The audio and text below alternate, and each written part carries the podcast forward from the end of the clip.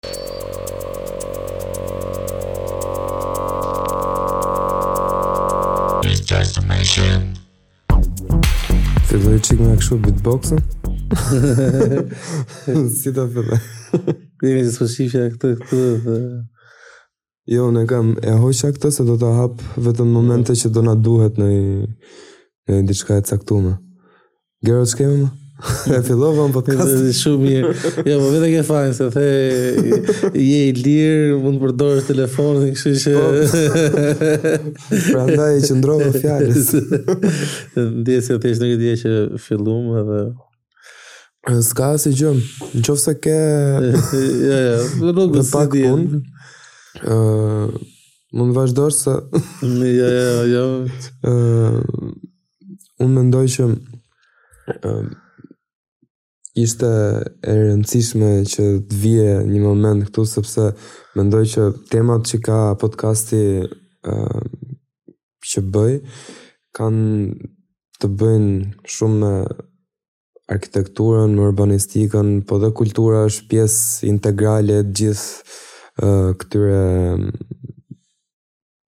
si me thënë, gjërave që ka qyteti apo patjetër urbanistika ka dhe kontekst kulturor. Kështu që një nga aspektet më të fort, më të forta të pjesës së infrastrukturës, rrugës, se këto janë dhe kulturat e ndryshme që kanë dalë nga këto që është edhe një um, një ka lidhje goxha me këto sipërmarrje që ti ke bërë kohët e fundit, po më mirë bëj vetë një përshkrim më, okay. më të detajuar okay. se se sa unë. Um, për të gjithë më quajnë Gerhard Veizi, le të themi jam një sipërmarrës e kam qejf sipërmarrjen po edhe me një qëllim se të krijoj dhe një impakt me këtë gjë, të paktën ditët e sotme tregtia është bërë shumë e thjeshtë. Kështu që kam një sipërmarrje që quhet Gjelbër,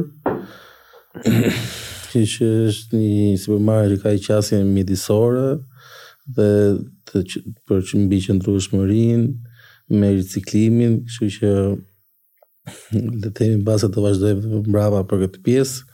Është sipërmarrje më fal që fokusohet më shumë tek pjesa e ush, restorant është Po le të themi një mënyrë se si ne kemi nisur këtë është me restorant por do mbase do flasim edhe në vijim për po. vizionin dhe ku po shkojmë mm -hmm. domethënë mm -hmm. por që unë jam ai person që kam të parimin kur sjell një inovacion apo diçka të re për një audiencë të caktuar, duhet t'i takosh në gjysmën e rrugës, mendoj, kështu që prandaj dhe kështu ka nis dhe ky rrugëtim. Mm. Më pëlqen kjo gjë. Është, më thon, Diçka interesante për të Faleminderit. Si përqasje. Dhe në vijim Përtej Gjelbër, e cila ka unë të themi kam rreth 15 vite eksperiencë në Horeca, kam punuar dhe jashtë me standarde ndërkombëtare korporata për këtë industri. Dhe vendosa që këtë njohuri, këtë eksperiencë që kam ta vendosja në zbatim, po jo thjesht hapja e një lokali apo restorantin e radhës, të themi. Mm -hmm. Por doja të fokusohesha tek gatimet healthy, më shumë bimore, dhe siç thashë pra që të përkrahnin konceptin e qëndrueshmërisë, riciklimin e shumë gjëra tjera që mbrojtjen e kafshëve Rrjedhimisht dhe atë, pra, gjithçka që prek është tashmë koncepti mjedisor është bërë shumë i gjerë, domethënë dhe se çfarë mund të bëjmë neve për ta përmirësuar dhe shpesh herë domethënë një gjë që mund që të doja të thoja është kjo pjesa që thonë për shembull bravo se po bën diçka, po themi me një qasje mjedisore ose dihet që kjo praktikisht pothuajse që është e ardhmja. Dhe them s'më duket sikur po bëj ndonjë gjë të veçantë sepse praktikisht mendoj që çdokush është detyra parësore të kontribuosh në mjedis, biles edhe më tepër sesa në shpinë tënde po ta shohësh nga një këndvështrim shumë më i gjerë. Dhe siç thashë këto njohuri që kisha përvojën dhe vendosa ta, ta vej në zhvillim këtu, ka qenë një roller coaster emocionesh, se ne ke, i kemi fillu diçka kemi fillu si juice bar, pastaj kalum në restorant, pas rreth një vit si restorant ndodhi pandemia, Na u desh të rishpikeshim, lëvizje, gjëra, kështu që tani jemi te location i ri në zonën ish-Bllokut, që prej prillit, po. dhe nga aty tani do vazhdojmë të flasim mbase pastaj dhe për vizionin më afatgjatë, Përtej Gjelbërit. Jam dhe promotor i kulturës hip-hop në Shqipëri, prej afro 5 vjetësh, kryesisht i pavarur, Dhe po më the që uh, më the pak a shumë që uh, keni patur një uh, nevojë për një zgjerim të hapësirës, domethënë, kishe, kishe gjetur tani hapësirën ideale te kjo hapësira re e gjelbërt dhe m'u bë shumë qejfi se zakonisht për një ambient ose për një sipërmarrje që është në fushën e shërbimit për ushqimin, është shumë e rëndësishme që të gjesh një vend perfekt për ta ushtruar atë aktivitetin se pastaj bëhet pak si e pamundur ta Po, pik... Shpalosësh idenë tënde, si me thënë. Po, pikërisht dhe ishte, domethënë, vendi shumë interesant, vendndodhje shumë qendrore, dhe hyrja që është pak e lezetshme që thashë do ta bëjmë kshu si me, me bimë kacavjerrëse kur t'i vijë momenti. Po. po, për shembull ka hyrje përpara, ka dhe nga mbrapa, pra furnizimi dhe delivery kryesisht, hyn nga mbrapa, kështu që mendoj edhe ti nga ana arkitekturës është respektohet një rregull që jashtë është rregull i pakontestueshëm për këtë lloj shërbimi. Sidomos për furnizimin një herë kur bëhet nga mbrapa është mjaft i rëndësishëm. Edhe hyrja e stafit njëkohësisht, kështu që po në këtë ambientin e ri jemi më mirë, edhe arkitekturën kemi zgjedhur vetë një stil minimalistik aty brenda duke dashur mbase se jam frymëzuar pak nga ky stili nordik i gjësë, po doja thjesht që të ishte diçka ndryshe nga zakonisht të paktën në Shqipëri pjesa e healthit interierët e kanë me arka ose me pak dru edhe është pak klishe dhe prandaj doja ta bëja diçka ndryshe dhe nga ana arkitekturore domethënë hajsa Po, Shi le të themi dizajni kam. është luan një rol goxha të rëndësishëm tani te këto sipërmarrjet e ushqimit. Po, kam parë që këto ditët e fundit je duke punu fort me këtë pjesën e e, festivalit hip hopit. Është hera e parë që bëhet? Mhm, mm atëherë si ide ashtu hip hopi është tashmë një zhanër shumë i madh dhe me madhësinë e tij normalisht ka dhe disa keqkuptime ose keqperceptime mbi të.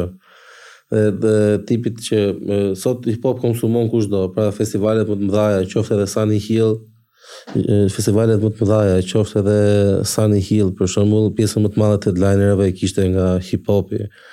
Kështu që, domethënë hip hopi është bë pjesë e pandashme është pop culture aktualisht. Dhe por rrënja e kësaj kulture është në gjenezën e saj ka katër nënkultura që është grafiti, breakdance, DJ edhe MC-ja. Shumë pak njerëz e dinë që DJ është kryesisht si zanat i atribuohet hip hopit si kulturë. Nga The Grandmaster Flash. Dhe përsa i përket festivalit, se na iku pak jo mendimi, është hera parë që është një festival që dedikohet plotësisht asaj kulture, që ka domethënë të katra elementet e kulturës të përfshira, përzgjedhja e artistave ka qenë që të përfaqësojë sa më shumë demografi, Edhe vendodhja mendoj që është interesante duke marrë parasysh që vjen nga undergroundi, kështu që japim edhe një tribut undergroundit. Po, është um, vendosja e, e lokacionit ishte në pjesën e poshtme të sheshit Skënderbej. Një hapësirë ku kanë filluar bëhen disa evente të ndryshme. hapësirë që pa dyshim ka një të mirë edhe një veçanti të vetën, sidomos edhe të mbron nga këto efektet e motit për momentin që mm -hmm. eventet që organizohen tani nuk e kanë më luksin Të bjerë ose të filloj shiu. po, pikërisht se sidomos kur është një line-up kaq divers, është e vështirë që të shtysh datën, sepse artistat mund kenë koncerte të tjera dhe je i humbur si do të thotë. Është e vështirë të kontaktosh artistët që keni marrë? Varet, normal që sa më i famshëm të jetë artisti, por që Kryesisht çdo artist e ka te bio e vet kontaktin. Thjesht ideja është Ka menaxherin, kam përshtypjen, nëse. Jo gjithmonë është menaxher, ë, se më fal është e, duhet ndarë, është dhe me- menaxheri e bën dhe këtë pjesën, por ndonjëherë është dhe thjesht booking agent. Pra, sidomos për artista po themi këtu në Shqipëri që kanë arritur një farë stadi, nuk kanë nevojë ato kryesisht vendimet për karrierën i marrin vetë dhe investimet. Dhe kanë thjesht një booking agent është ai, po themi prita e parë që bën atë bisedën fillestare dhe që një booking agent thjesht është ndryshe nga me- menaxheri. Po. Se menaxheri merret dhe me anën më të gjerë të karrierës edhe të zhvillimit. Po. Ë ë herën e fundit që kam parë Killën, mm -hmm. ai kishte marrë pjesë në një nga eventet e arkitekturës në Tiranë, një forum arkitekture në të cilin ishim mbledhur në një tavolinë shumë arkitektë, por dhe audiencë e ndryshme dhe diskutonin për qytetin, sepse kjo lloj kulture tani ka filluar që ka një shpreh një mendim edhe influenca e mendimeve tani në hip hop ka filluar nga shumë herë gjëra të cilat janë për duke folur për femra, makina të bukura. Ëh, ka kaluar në disa gjëra të cilat janë jo qyteti, kjo.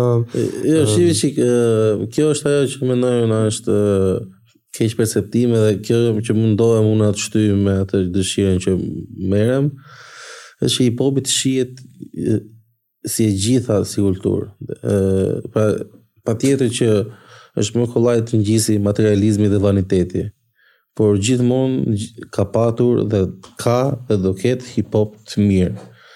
Sepse ajo është baza dhe ajo është ajo që e mban gjallë, pra autenticiteti, ajo ndjesia you can relate dhe te kjo pjesa tjetër duhet me kuptu kur thashë parë që hip hopi është pop music është e vërtetë sepse është rreth e ka kalu rokun është rreth po themi 28% të tregut e dominon hip hopi dhe thënë këtë është që kur një kulturë bëhet pop do thotë që kryesisht dëgjohet nga teenagerat Dhe ato që këngët që ne shofim që shpërthejnë, janë këngë masive, globale, botërore, nuk është që hip hopi një zhanër i, i izoluar.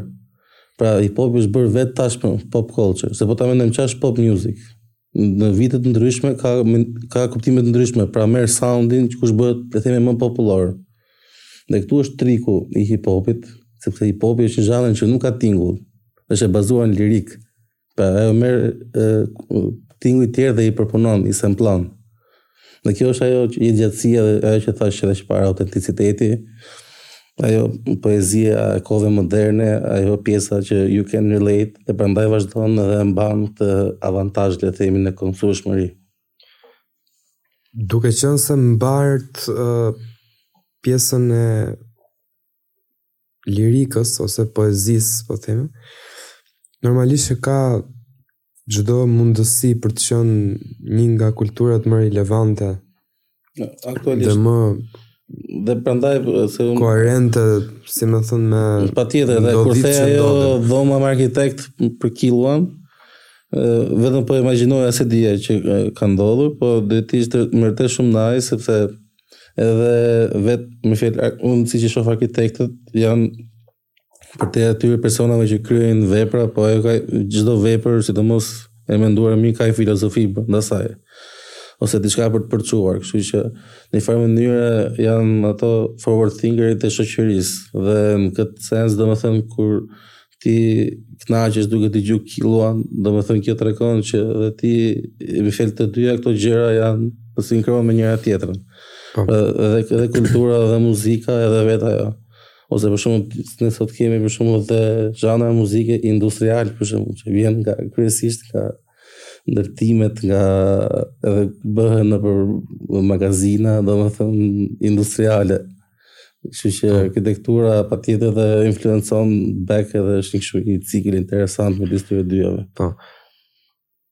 Për sa i përket kjo është një pyetje që më erdhi tani, nuk e di nëse ka një shpjegim. Doja të thoja vetëm për nëse ka një koncept mbrapa line-up-it që ju keni krijuar, domethënë line-up-i për të thënë shqip është lista, lista e performuesve. E performuesve dhe renditja e tyre sipas kam përshtypjen renditja nuk është ashtu që rëndësishme se është si me thënë nga i më i mirë ose më thuaj ti si si e ke menduar që mos të futem unë kot. Atëherë si thash, qëllimi ishte domethënë të përfaqësonim sa më shumë demografi. Se kam përshtypjen është e rëndësishme dhe kjo pjesë. Po, patjetër, si thash, më kam rreth 5 vjet që e promovoj si kulturë në dimensione të ndryshme, dhe ky festivali domethënë është ka kohë që bluhet në mendje, thjesht u prit për kohën dhe për kushtet e duhura për t'u pjekë, si me thënë.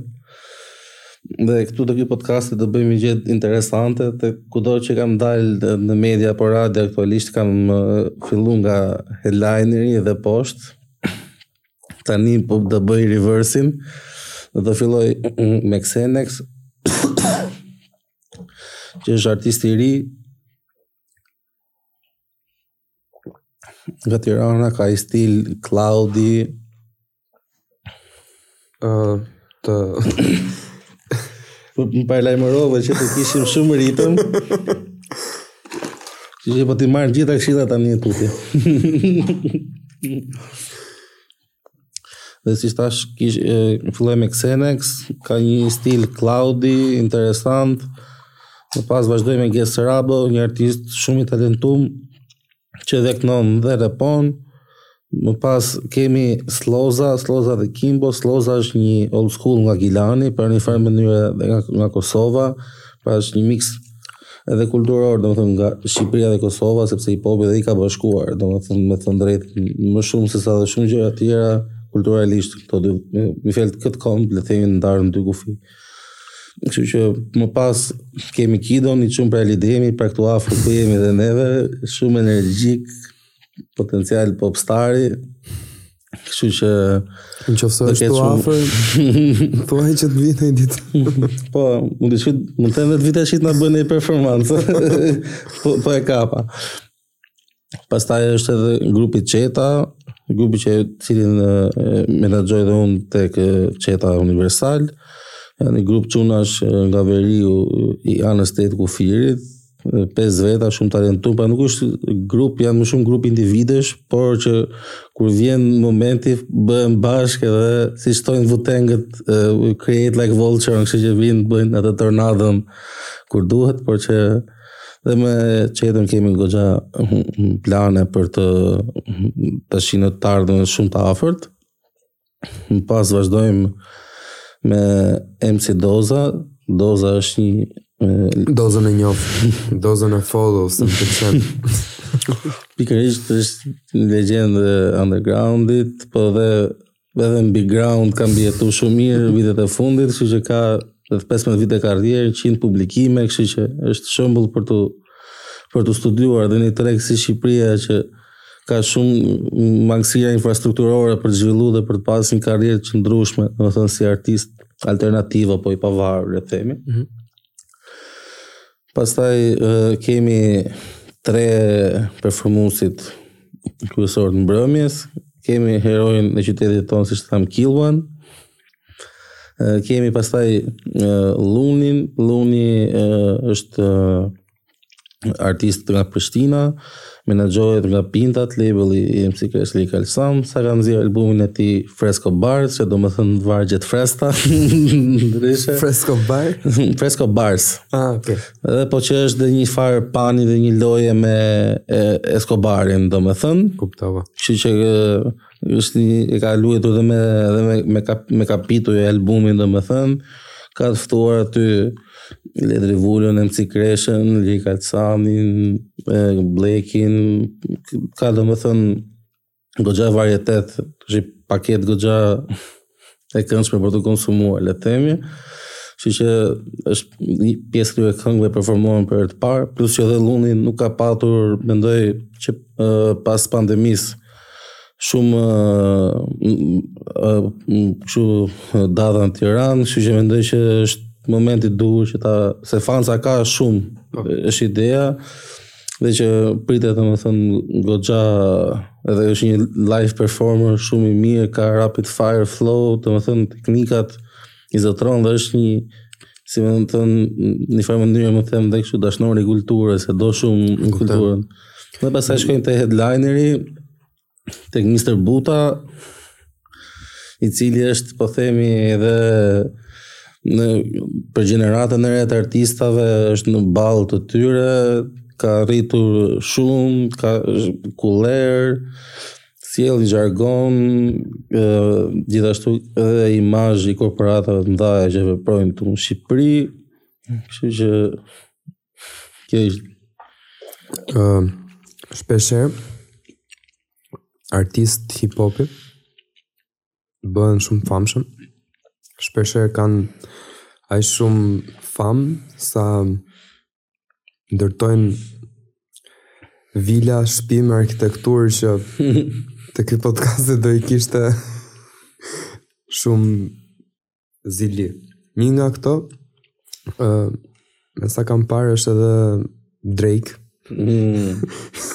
Nuk e di nëse i ke parë ato vilat. E kam parë, e kam parë, po është ë ai është domethënë se mbi Drake-un ka shumë le të themi kontroversialitet ose perceptime, Po që ai quhet The Six God ose Zoti i zonës 6, siç mund të referohet Kanadas. Ndryshe, kjo nuk ka diskutim.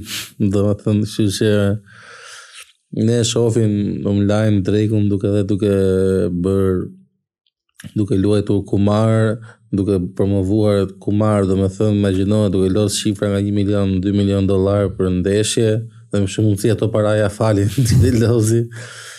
Mm, Spotify është best streaming artist, kështu që domethënë paret te Drake-u nuk mungojnë, vetëm fluturojnë. Po te kjo industri, këto,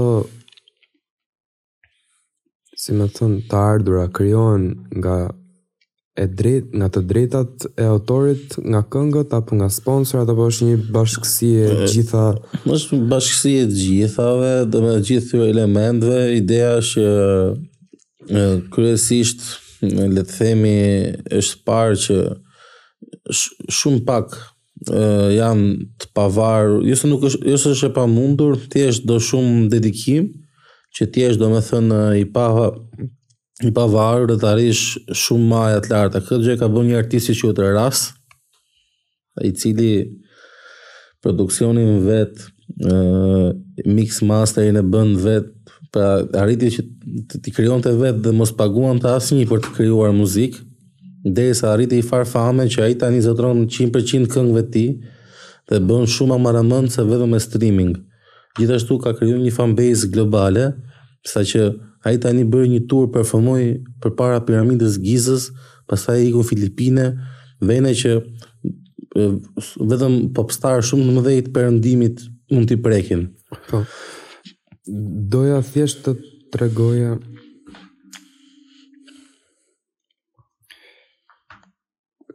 është një arkitekt që unë ndjek, quhet Valerio Olgiati, nuk e di nëse të ka rënë rasti ta jo ta ndjekësh. Ë ky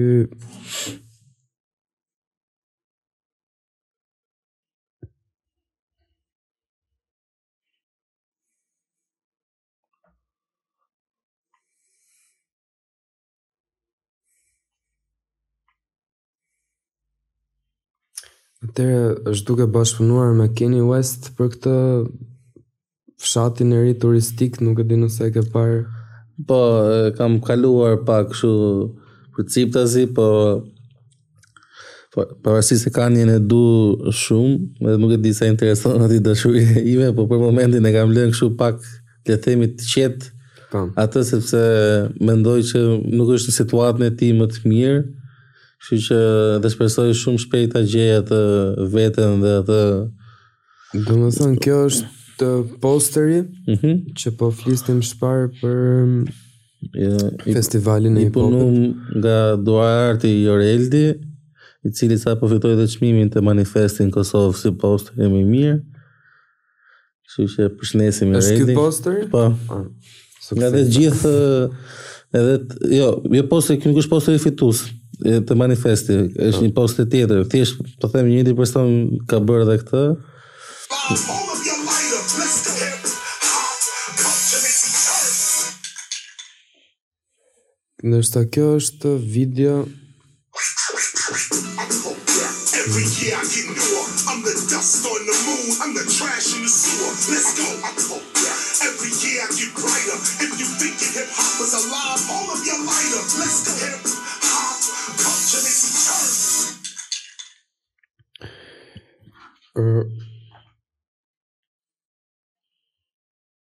Diçka që edhe video është në natyrën e, si me thënë, në natyrën e posterit, goxha interesante dhe video.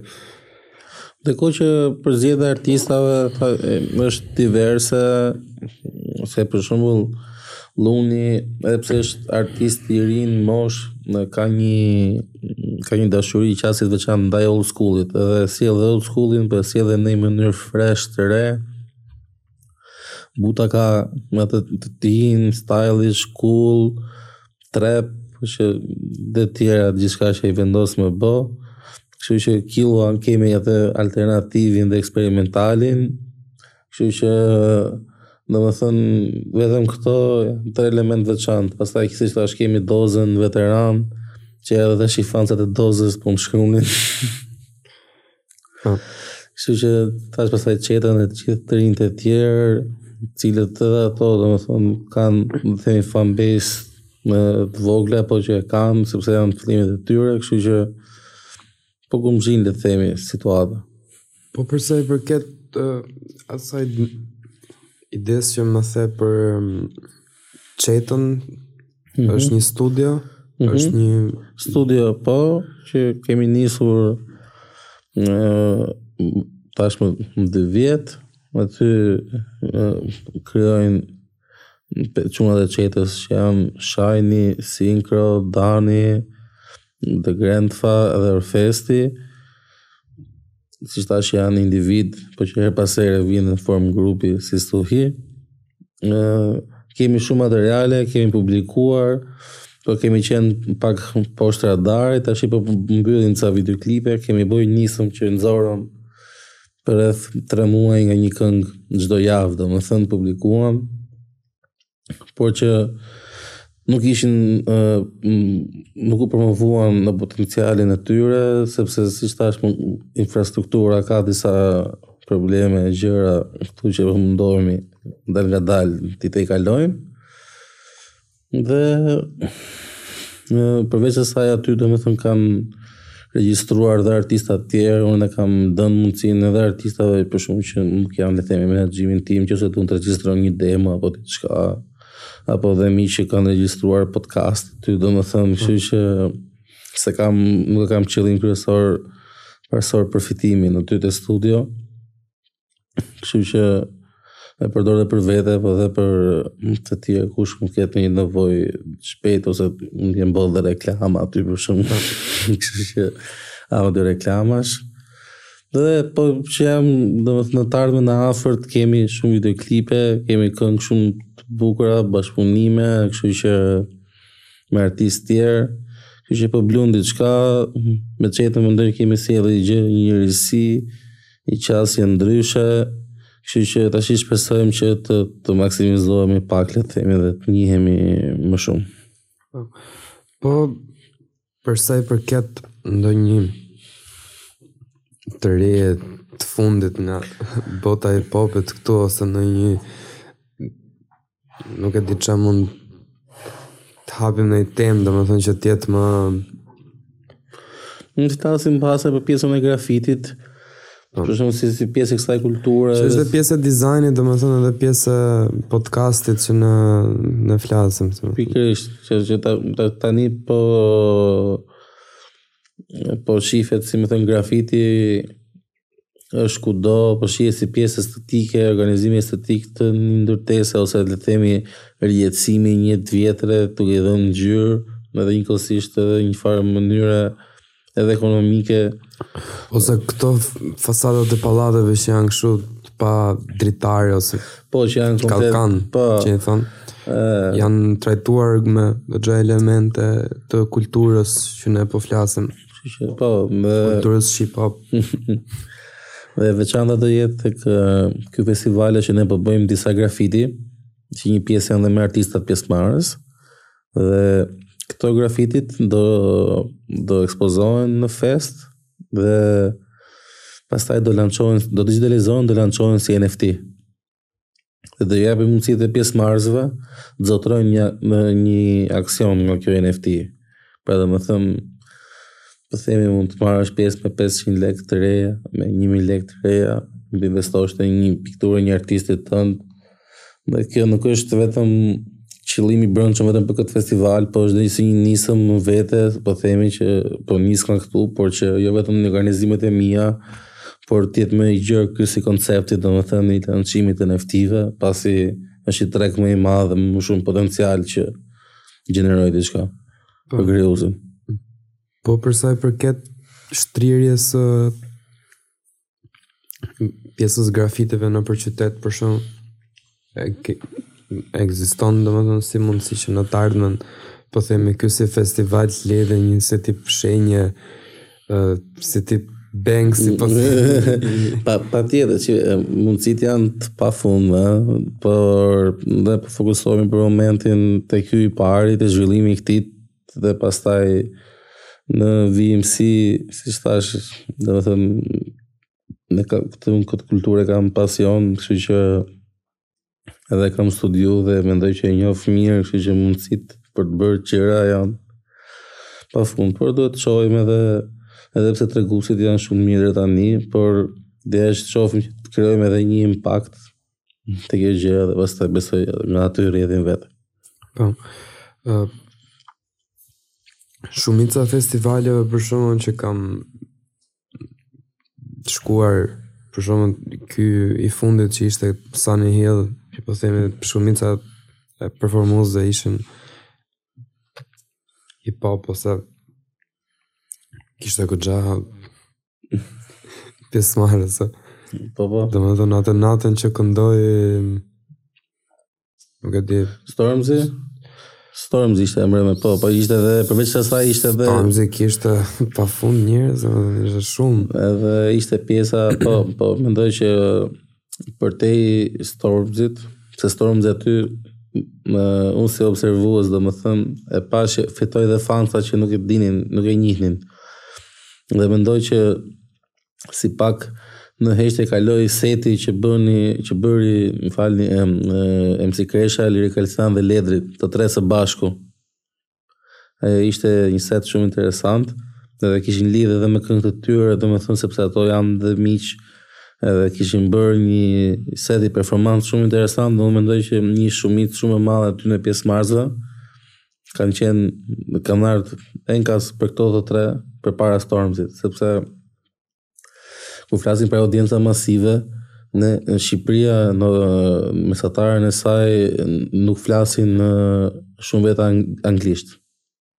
Dhe duke thënë këtë, do të thotë që ti nuk mund të jesh vështirë të jesh fans i një artisti që s'e kupton këngët. Prandaj dhe shumë veta ose të themi artistë shqiptarë që kanë shumë fans, sepse nuk nuk dëgjojnë jashtë shqiptares, domethënë sepse ato gjuhë flasin, ato kuptojnë dhe prandaj zgjedhin dhe artistët e tyre të preferuar me gjuhën që kuptojnë. Po për sa i përket Ka një artist shqiptar i cili flet me një dialekt, po themi, jo nga veriu, që mund të jetë i famshëm. Patjetër, MC Doza, që po flasim, ka theksin e tij të jugut, edhe kjo s'i ka prish punë biles, edhe e ka ndihmuar pasi po ta marrësh kombin tonë në gjithin e tij, sepse ne në gjitha anët e kufirit rrethohemi me bashkëkombas, kjo letrarja është më e kuptueshme edhe ka patur më shumë fansa, meqë ka patur dhe fansa në Maqedoni apo në Greqi. Për te dhe Kosovë dhe në Kosovë prapë kuptohet mirë, ndërsa Gegnishtja është më e izoluar. Te ky impakti në, në gjithë shqiptarinë, po themi, te, te kuptueshmëria e tekstit, se pastaj tek rima dhe tek pjesa tjetër, kështu që Patjetër Tutrefori, Xhiapi, që ka theksin e Tironës, po dhe artistat e rinj që po dalin sot, e, mendoj që ka ikur ajo faza e gegnishtes, domethënë të sforcuar. Domethënë artistat e rinj janë më të ndërgjegjshëm që të jenë më origjinal, me sa po shof. Dhe do të shtoja që kemi një brez shumë premtues me artistat e rinj. që normalisht do kenë ato rrugtimin e tyre, po thjesht nuk më duket sikur është e natyrshme gjuha letrare akoma nuk nuk është bërë njësh, se kështu që të ketë atë kliku në vet që gjuha letrare është domethënë apo ndoshta është dhe thjesht perceptimi im ë eh? mendoj kjo e dyta pasi siç thashë përmenda për shembull për theks Tirone Xhiapi për shembull ke ke vagabondin për shembull që Ai është që ka për shembull ke pastaj prap çuna nga Durrësi për shembull janë një dyshe keni me Mapnon me edhe ato të dy kanë e flasin për shembull atë po themi të Shqipërisë së mesme atë pjesën e Durrësit, të Kavajës edhe edhe lloj edhe më pëlqen sepse thashë të paktën mua më pëlqen autenticiteti sidomos kur e bën dhe tingëllon bukur Kështu që t'i kalon. Dhe një barrierë tjetër, ë mbase që kjo shpjegon pak dhe pse zgjodha atë versionin e dytë që është më shumë perceptimi i joti. Unë mendoj këtë që gjuhës, gjuha shqipe ë e, e, ende nuk është po themi e përdhunuar ë në në përdorim muzikor. Që dua, me këtë përdhunuar dua të them këtë që të provohet në shumë tinguj të ndryshëm. Pra, kur e flasim shqipen, e flasim drejt. Për shembull ka artistë që unë njoh, që dëgjojnë më shumë muzikë në anglisht, edhe emocionet e tyre i shprehin më kollaj në anglisht.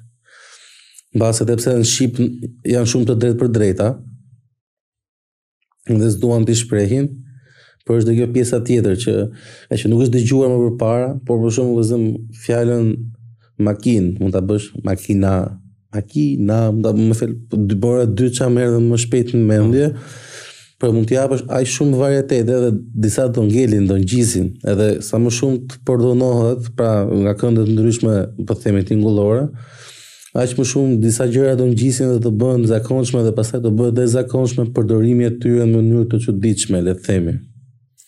Ti e ke fjalën për momentin tani që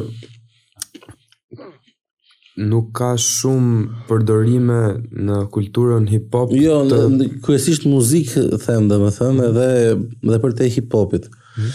Pra që një fjalë të thuhet me me fonetika të ndryshme, pra me me tinguj të ndryshëm, pra një herë ta theksosh te një shkronjë, një herë te tjetra, një herë te tjetra, një herë ta thuash të zgjasësh, të zgjasësh një zanore, pra po them, kur pa edhe kur thashë përdhunim, domethënë që të provohet në të gjitha mënyrat, për ta dhe gjetë, domethënë ku mund të qëndrojë bukur e alternuar.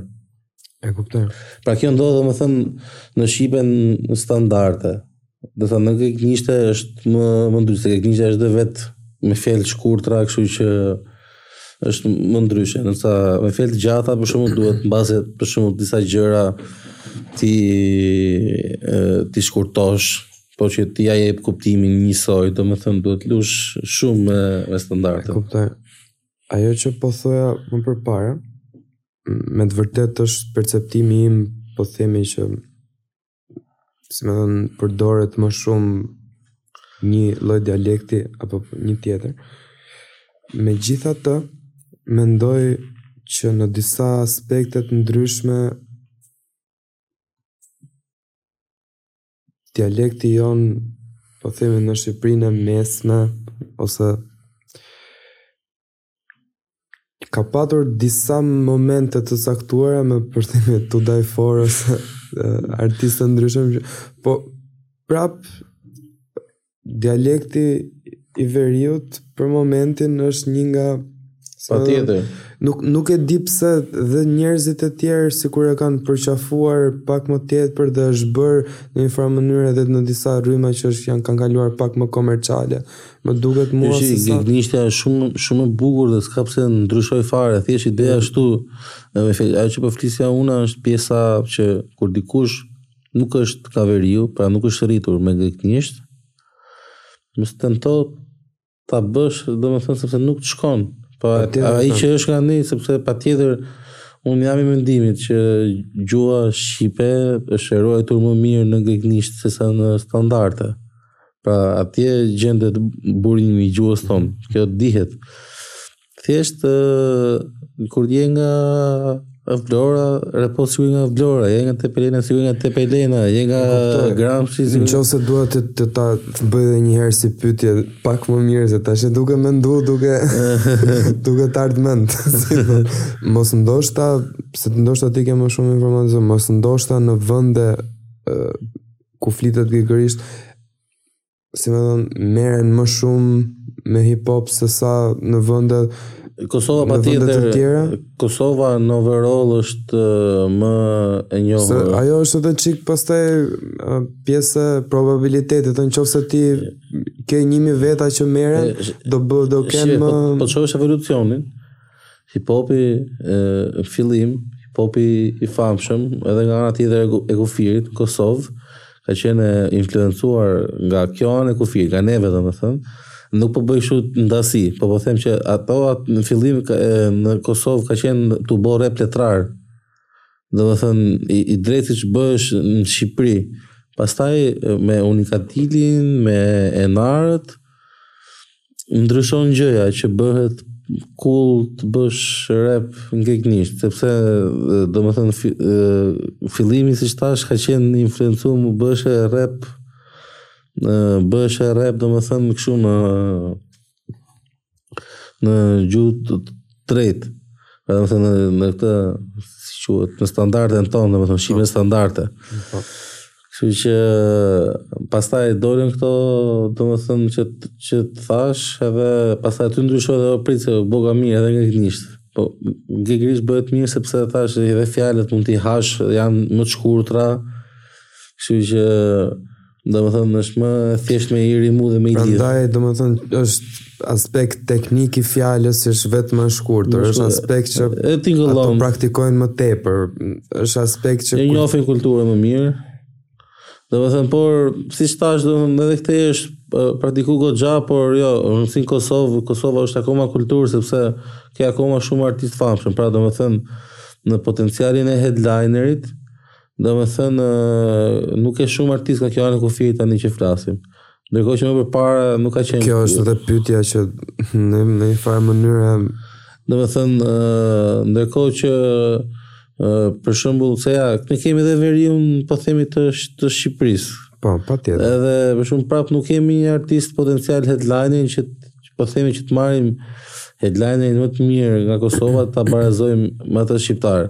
Pra këtu ke për shembull artist po, shumë. Kjo është ajo gjë që po pyesja, domethënë pse sepse Kosova Kosova e ka loz më mirë lojën, janë më willing to help each other, domethënë japin dorë njëri tjetrit dhe unë e them gjithmonë kështu, domethënë ne këtu në Shqipëri kemi vetëm Noizin në në potencial headlineri dhe mbase është repi në gjithë shqiptarinë, domethënë, më i njohuri, dhe më, më, më shumë influent.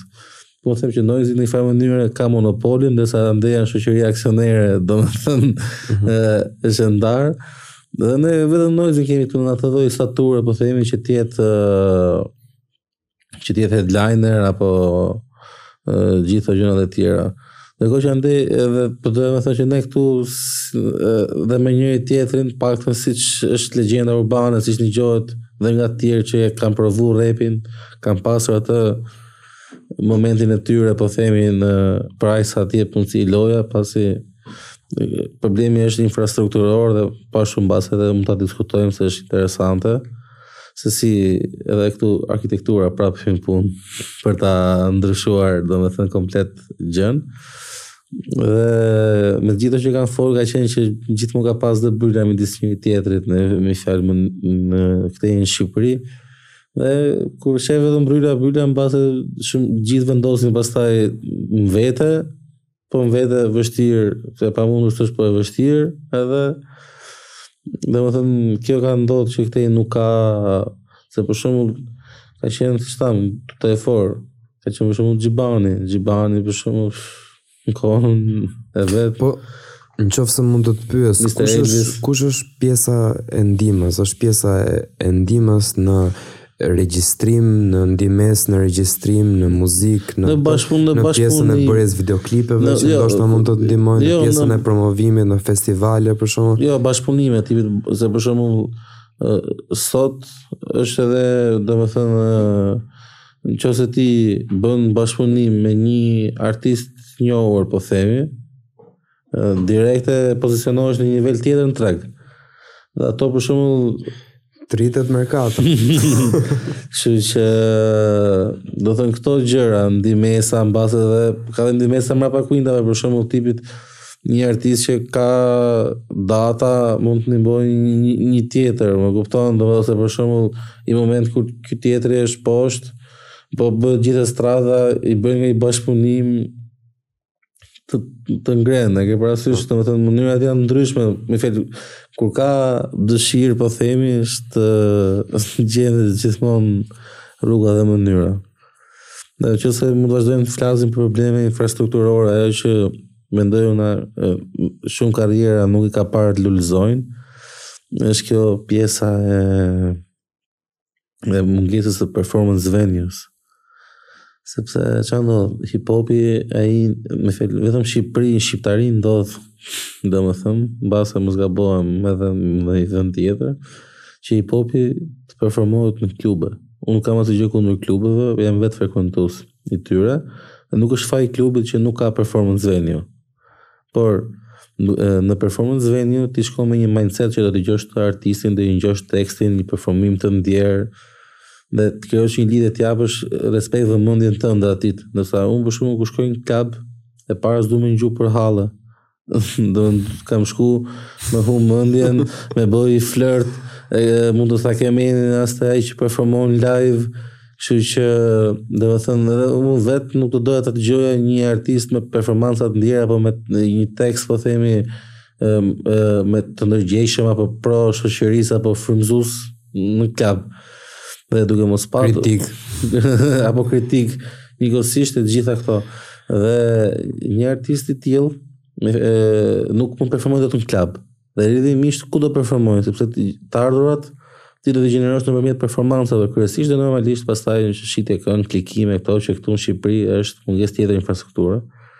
Kështu që po s'pate performance venues, ja ti ke 1 2, po ti ke 20 30 talente. E ke parasysh që duhet më shumë që të mbijetojë arti alternativ, eksperimental, Domethënë, po flisja me artistë edhe për shembull ka artistë që e din që nuk i ftojnë klubet dhe nuk shkojnë vetë, sepse e din që s'janë për aty. Domethënë, pra artistë të njohur për shembull, që i, i ftojnë, dhe nuk shkojnë, sepse s'kanë muzikë për klub. Më ke parasysh? Kështu që Kjo është një problem shumë shumë i madh, mendoj që me ndërtimin e piramidës po zgjidhet disi dhe pa i hyrë shumë debatit të teatrit, po mendoj që ky teatri i ri që nëse do bëhet siç është mendu, do kishte edhe kjo hapësirë për, për performance venue, që për mu dhe piramida dhe ajo janë vendndodhje qendrore, kështu që Çfarë parametrash kërkon një performance venue për hapësira të tilla? Ndoshta për arkitektet që na dëgjojnë mhm. mund të kishin atëherë mendoj që duhet të jetë një venue që të shkojë 400, me fjalë 400 deri në 1000 persona të paktën, ta ketë kapacitetin dhe të jetë idealisht një si formë modulare që për shembull për koncerte më të vogla pjesa një pjesë të mbyllej, domethënë dhe të ishte për shembull për 400 persona që të krijonte një kështu setting të këtillë, dhe vendndodhja fatkeqësisht për si është mësu kultura jonë që i do çdo gjë në qendër duhet të ishte pak që, që sa më shumë qendrore, domethënë. Mm -hmm. Dhe këto janë edhe një hapësirë të ketë një stage, domethënë stage me foni, që t'i përshtatet, domethënë, uh, numrit të audiencës.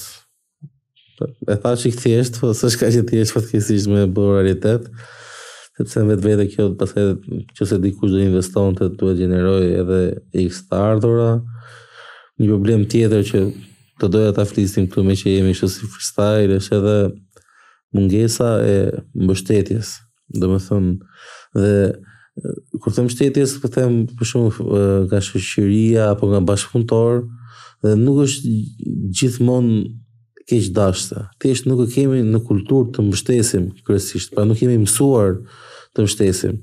Dhe kjo domethënë do ishte nuk e di që se gjejmë një mënyrë që ta promovojmë këtë që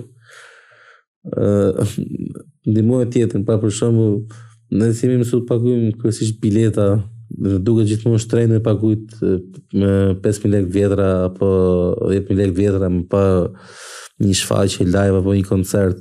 Kur në fund ditës për shembull, edhe pse mos ky artisti mos të jetë më i miri në botë, thjesht fakti që dikush ka marrë mundimin dhe po del para 100 vetave që t'ia bëjë atë orën më të mirë Domethënë është vetëm mundi duhet të vlerësohet me një farë mënyre.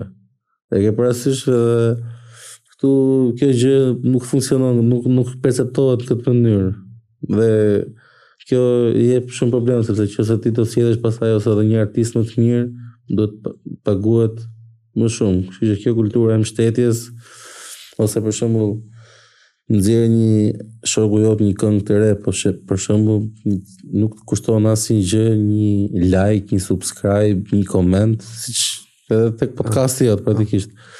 Pra qoftë një share shkarazi, qoftë thjesht për shembull, le të themi dikush që ndjek edhe sot po flasim po themi hip hop. Me ja çu pesë njerëzve që dëgjojnë hip hop. pra ose një një story.